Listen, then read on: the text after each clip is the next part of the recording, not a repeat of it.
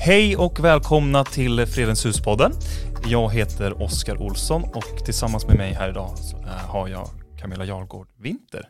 Eller Winter Winter, Jarlgård. Till och Yes. med. Yes. Precis, hej. Hej! Eh, du är ju utställningsansvarig Mm. på Fredens hus. Yes, det stämmer. Eh, jag tänkte som så att vi ska ju prata om lite olika bitar utifrån det här med utställningsansvarig. Eh, men jag tänkte bara börja rent krasst. Hur kom du in på att jobba med utställningar? Ja, vill du ha den långa eller korta versionen? Ja, vi kör på den långa. eh, alltså det, det är ett rent bananskal att jag har hamnat där jag hamnat. Ja. Men jag alltså min urs, min eh, bakgrund kommer från eh, restaurangbranschen. Och sökte mig och ville ha ett litet sabbatsår från det för jag var lite trött på det. Och eh, då studerade jag ett år eh, konst på en folkhögskola nere i Blekinge. Ja. Och då fick jag utveckla mitt intresse för konsthantverk framförallt, keramik och lite målning. Och i det här så hade man också mycket utställningar.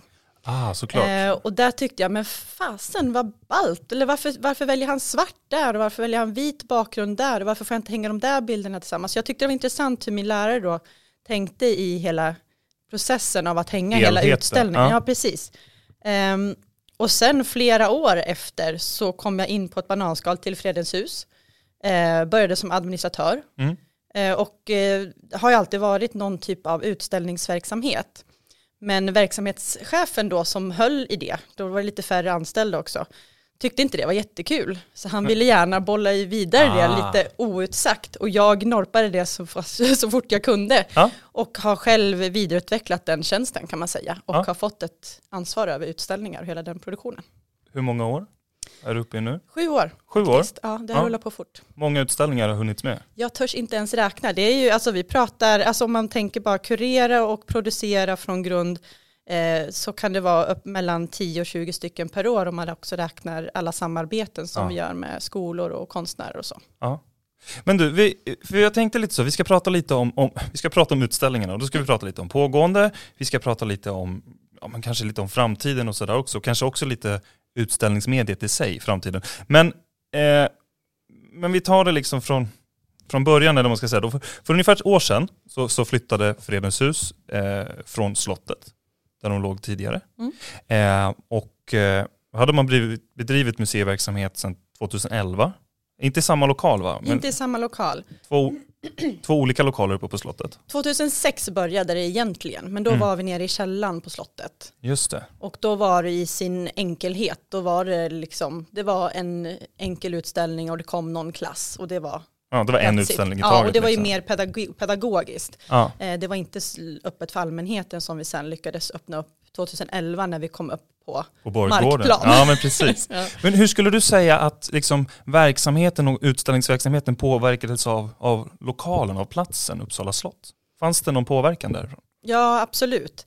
Ehm, Det är en ganska intressant utveckling faktiskt. Alltså just om vi utgår från 2011 då när det blev en riktig utställningsverksamhet så har vi ju alltid haft begränsningar i att vara i slottet i Uppsala. Alltså det är ju Ja. ändå K-märkt, man får inte göra hål eller påverkan på väggar och golv. Nej. Eh, Så att man måste ha med, alltså när vi planerade vilka inslag vi ska ha i utställningar så behövde man ju oftast tänka först möjligheterna från lokalens sida och sen vad man själv vill att man ska uppleva. Ja. Eh, Så att jag skulle säga ganska så rejält begränsande. Och det blev ju också svårt, alltså jag tänker så här när man tänker att man går in i ett museum och ser en häftig utställning då är man oftast inne i en miljö, man har liksom klivit in och är inne i en skog eller man är inne i, i ett hav och har liksom ubåten framför sig eller vad det är nu är för tema. Ja. Eh, Men vi fick jobba mer med moduler så det var ju väldigt tydligt att vi är på ett slott eller vi är i en stor lokal Ja. och här finns det information. Så att det blev, det blev ganska nedskalat utifrån ett utställningsperspektiv skulle jag säga. Påverkade det liksom möjligheterna till att utforma utställningen, påverkade det ämnena, temana på utställningarna också? Blir man låst liksom i vilka ämnen man känner att man kan lyfta upp eller? Nej, jag skulle inte säga att man är låst i vilka ämnen, men presentationsmöjligheten. Ja. Och det kan väl i sig låsa i form av att ja, men det här ämnet, ska vi göra det så vill vi göra det riktigt bra och då skulle vi behöva göra på något sätt som man Vi känner att skulle det här behöva slå ut funkar en vägg, inte. vi Ja, får inte slå ut en vägg, så. då backar vi. Ja, nej, men jag och förstår. hitta Ja. liksom lösningar. Men det har ju också inneburit att man har fått leta lösningar hos leverantörer som absolut inte jobbar med utställningar annars. Vi kanske liksom måste titta på trafikverksamheten, vad har de för någonting för sina skyltar för att de ska hålla uppe. Ah, okej. Eh, Mm. så, så att det, man har ju också öppnat upp ett sinne för problemlösning Ja. helt enkelt. Ja. Eh, Men för ett år sedan, då gick flyttlasset. Mm. Hur ser verksamheten ut idag? Vart, håll, vart håller den hus? Idag ser det helt annorlunda ut Ja. och det är eh, väldigt kul att se vart vi är på väg för nu är vi i en ständig rörelse skulle jag säga. Ehm, vi har ju fortfarande våra utställningar kvar som är eh, turnévänliga, alltså de, Mm. i och med att de har byggts på det sättet så kan man liksom packa ner dem och packa upp dem lite Mm. eh, var som. Ehm, så att de finns tillgängliga att köra upp på eh, olika samarbetslokaler. Eh, vi tittar mycket nu på att liksom göra mer en pop-up-verksamhet. Ja, Okej. Eh, och också nå ut på ett annat sätt. Alltså när vi var på slottet så var, kände vi väl också en viss begränsning för just den lokalen i form av att besökarna hade lite svårt att veta vart vi var någonstans. Eh, så nu ser vi en större möjlighet att ja, men vi har en utställningsverksamhet och den kan ju liksom inte bara försvinna utan hur går vi framåt? Ja. Ja. men jobba mer med, med ute i, på parker eller på torg, eh, ute i stadsrummet. Eh, vi tittar också på samarbeten med butiker, Ja. eh, fastighetsägare som har tomma lokaler som kanske vill fylla med något intressant Okej. i skyltfönstren. Eh, Men så kan man tänka att det är en tanke att komma till publiken istället för att publiken ska komma till Absolut. Fredens hus? Absolut. Ja, spännande. Ehm, en av de här utställningarna då, som, som har varit ute på turné och som eh, är just en sån här mobil utställning, det är Dear Planet Game Show, eller Game Show Dear Planet. Mm, Dear Ja. Planet Game Show, yes. Ja. Kan du berätta lite om den? Mm. Det här är alltså eh, en av tre delar i ett projekt som heter Dear Planet, så det är övergripande namnet på projektet. Eh, finansieras av eh, Svenska Postkodstiftelsen. Eh, och den här gameshowen är byggd på ett sätt så att man spelar ifrån sin mobil som besökare. Okej. Man kan Mm. gå runt i olika moduler och så ska man tävla helt enkelt i kunskap i klimat och miljöfrågor. Men den är också byggd på ett sätt så att man tar emot grupper och håller så att det blir en gameshow-känsla. Vi har en, en programledare som står och driver längst fram. Det kan vara lite ljuseffekter och det är liksom olika moment som man kan stanna till och prata om och sådär. Ja, och för den här har varit ute på olika platser. Mm. Vad, vad har de, vilka typer av platser pratar vi då? Vi har varit nere på Marinmuseet i Karlskrona. Ja. Eh, vi har också varit eh, i Gränby centrum eh, här i Uppsala. Ja. Och då fick vi stå i en butikslokal. Eh, och sen nu så är vi runt på skolor också. Okej. Och kör runt den i en förenklad version. Men eh, mer pedagogiskt inriktad än hela den här, för det blir inga ströbesökare utan då är det bara gruppbesöken. Just Och vi det. har fått anpassa den efter klassrummen såklart, det som får plats i rummet. Men, för då tänker jag så här att eh, du sa Marinmuseet och Mm. även skolor och det är ju aktörer som Fredens hus är van att, att arbeta med, få Mm. utställningar, utställningar i skolor och museum. Men då liksom Gränbystaden eller uh, liksom fastighetsägare, hur, hur har kontakterna varit med dem? Hur, hur, ser, hur ser de på det här att ja, men vi tar in en utställning i våra lokaler under en stund? Liksom? Hur? Ja, alltså det är ju så här att vi är i en ganska rörlig process i hela samhället, vad som händer liksom. Eh, Så att många butiker får ju tyvärr lägga ner för att det, de, eh, ja, det fungerar inte, man shoppar mer på nätet. Eh, Så att det blir många tomma lokaler och fastighetsägare vill ju också att det ska hända någonting i de här lokalerna. Så att jag har upplevt kontakten med fastighetsägare eh, väldigt positiv och intresserade av att se vad, vad kan hända när man tar in någonting helt nytt. Det blir en rörelse. eh, och De ser just- ett mervärde i det här? Ja, absolut. absolut. Och det var, det, det var ju det som var intressant från båda sidor, att vi, hur det här kunde gynna oss och hur det kunde gynna dem och utvärdera det. Och vi såg det väldigt positivt. Vi har ju fått besökare som vi annars inte skulle ha fått, eh, som blev nyfikna och kanske till och med blev medlemmar. Ja, Okej, ja. Ehm, för den här jobbar ganska mycket eh, digitalt då, Mm. med paddor och sådär. Mm. Hur skiljer sig det? Är, är, är det något som är genomgående i alla utställningar, digitalt medie liksom involverat i utställningen eller? Ehm, inte nödvändigtvis, Nej. men jag skulle säga att man jobbar väl lite generellt med att försöka få både och. Att något Ja. digitalt inslag vill man kunna ha. Eh, men det vi gjorde med den här utställningen, det var, vi har ju tidigare jobbat med att vi har en, en bra fysisk utställning som vi känner, shit den här måste vi bara kunna sprida så mycket som möjligt. Och vill då digitalisera den för att nå ut till fler som inte behöver komma till oss. I an, men i andra hand då? Först fysiskt och sen hand, dig- ah, precis. Mm. Eh, Men det vi gjorde med den här, det var att vi, vi tänkte tvärtom. Om vi börjar att skapa det digitala så att det funkar och sen lyfter in det i det fysiska rummet, vad händer då? Vad blir bäst? Eller hur kan man se liksom hela Ja. eh, upplevelsen? Mm. Men vad tänker du då? Liksom, samhället är väldigt digitaliserat och det Mm. finns ju överallt. Är det framtiden? Liksom, kommer vi lämna det här fysiska, att gå runt och kolla och läsa på utställningar och bara kolla, scrolla med mobilerna? Jag skulle säga absolut inte. Nej, Det är inte samma sak. Och nu har det hänt mycket under det här pandemiåret med utveckling av digitala utställningar. Hade du frågat mig för ett år sedan då hade jag sagt jag tror inte på digitala utställningar, det finns inte. Ehm, för det blir, alltså så här, utställningsmediet i sig är ett väldigt ungt ämne Mm. och det är hela tiden i, i utveckling, man pratar mycket om vad exakt är det, vad innebär det, vilka delar måste man ha för att det ska kallas utställning. ja. Och tittar man då på en digital utställning då är det lätt att det blir kanske ett spel eller det kanske bara blir en hemsida. Men för när du säger digital, då menar du liksom enbart digital? Inte att jag Mm. går runt i ett rum och har mobilen med mig, utan att jag sitter hemma vid en dator? det ska gå att funka och göra liksom, att du ska kunna se det. Du sitter i Kiruna, vi har utställningen på plats i Uppsala eller den Ah, kanske okej. till och med är nedplockad.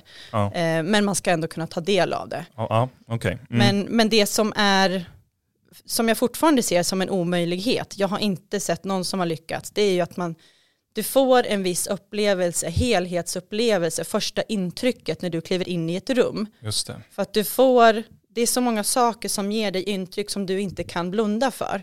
Men när vi är på datan eller mobilen och besöker någonting, vi väljer lite vad vi, vad vi tar in för någonting. Just, ja. Ehm, så den känslan har jag inte sett någon lyckas föra över till det digitala. Men så det är helheten då kanske som man Mm. går miste om. Men vad, vad, vad skulle, går det att lösa? Vad skulle man kunna göra? Vad tänker du? Eh, nej, alltså jag tänker så här, jag tror att det här kommer alltid vara två separata saker. Du kommer aldrig kunna få det du får fysiskt även digitalt. Däremot kommer det digitala kunna bli så pass bra så att man tycker fortfarande att det här är en riktigt bra upplevelse och jag får med mig kunskapen som vill förmedlas. Ehm, Men inte upplevelsen inte då? upplevelsen och Nej. känslan, den har jag svårt att se att man ska lyckas nå. Om vi inte tänker väldigt långt fram i tiden och man har något typ av att man kliver in i rummet på något sätt hemma. Eh, jag vet upp inte. sig Ja. i... Ja men precis. Ehm, Men å andra sidan, det händer väldigt mycket med alla olika inslag i utställningsvärlden. men, men vad skulle man säga då, liksom, vad är det digitala utställningens styrka då? Finns det någonting som den kan ge som inte den fysiska utställningen kan? Ja men det, ja, det är ju inte bara negativt som det kanske låter som jag Nej. tycker nu. Eh, men det dig- digitala har ju också eh, en möjlighet att ha otroligt mycket mer information. Och ja. framförallt också språkligt. Du kan, eh, alltså i en fysisk utställning så blir det väldigt jobbigt för en besökare om man ska sortera på tio olika språk med liksom listor som Mm. på väggen. Eh, men digitalt kan man bara välja det och sen är det liksom hela utställningen på sitt eh, språk som man vill välja då. Ja. Eh, så det är en jättefördel. Och sen blir det liksom, det finns inslag i digitalt som gör att man också kan göra andra saker. Man upplever det på ett annat sätt. Men det kommer aldrig bli samma sak som det fysiska. Men jag skulle inte säga, jag kan inte säga rakt av vilket som är bra och vilket som är dåligt. Det beror på Nej. vad du vill, vad du har för syfte och vad du vill förmedla, vilket medie man ska ta. Ja. Men vi, nu är vi inne och pratar lite om framtiden, alltså Mm. att, vad som kommer finnas och inte finnas i framtiden. Vad finns det för trender inom utställningar? Liksom, vad, det är väl som allting annat att det går trender i det antar jag.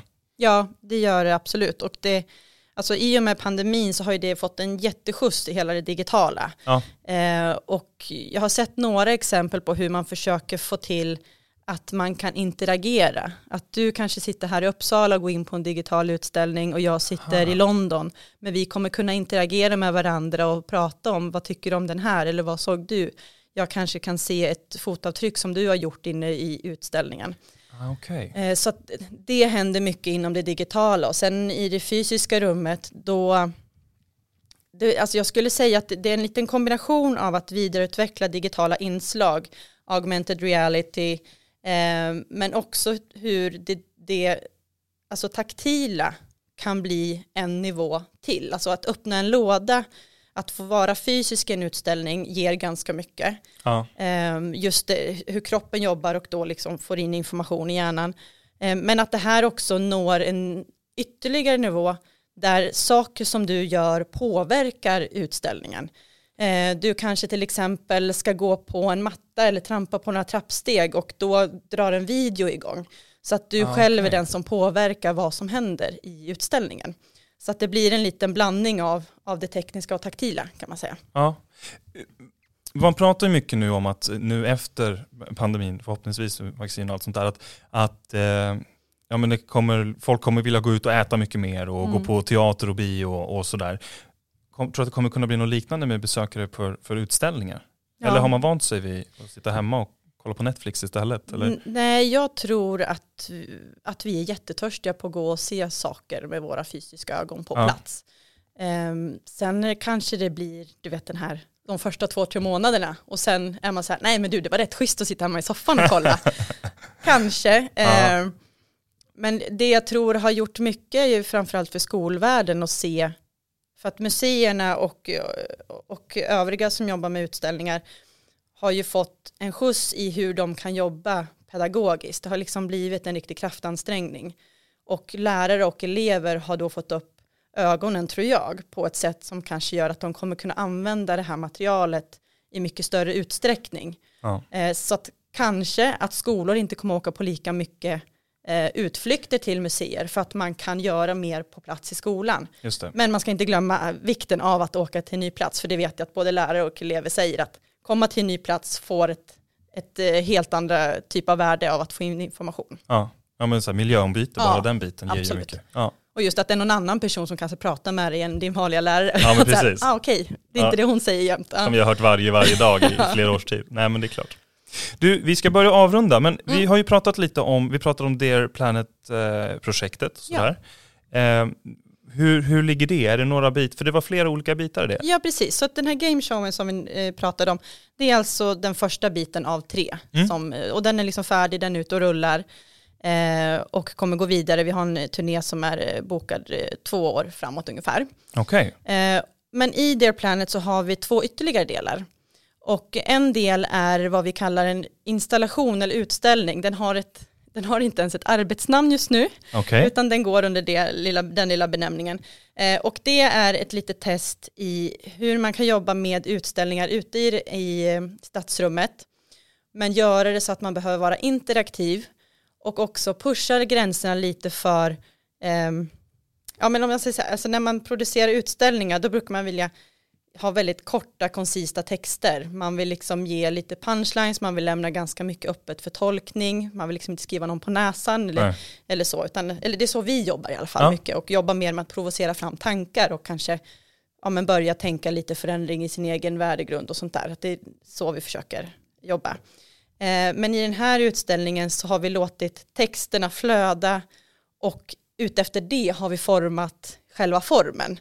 Så att vi har in, jag har inte liksom, jag har inte kunnat gett mina formgivare att den här, du har 60 gånger 60 centimeter och få in den här texten på, utan nu har jag, den här texten har jag, bygget.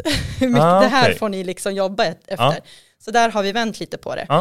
Eh, men det är en storyline eh, som man ska följa och göra lite moraliska val kring Agenda 2030-målen. Okej. För att se liksom hur de här olika målen hänger ihop och hur komplext det är. Att man kanske har gjort en bra grej för man plockar skräp och det, liksom försöker göra något bra för miljön.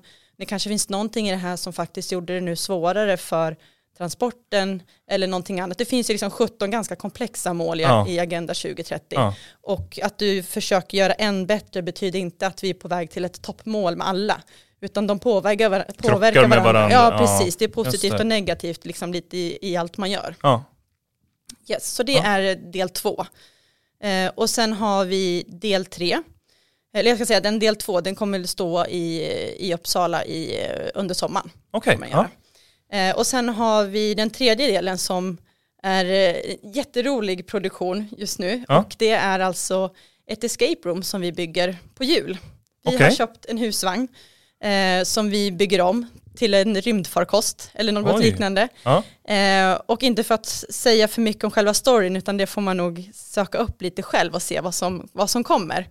Eh, men vi följer lite temat kring eh, ja, men Dear Planet, vad som händer med planeten, vilka påverkar och, och hur man kanske behöver lösa vissa situationer.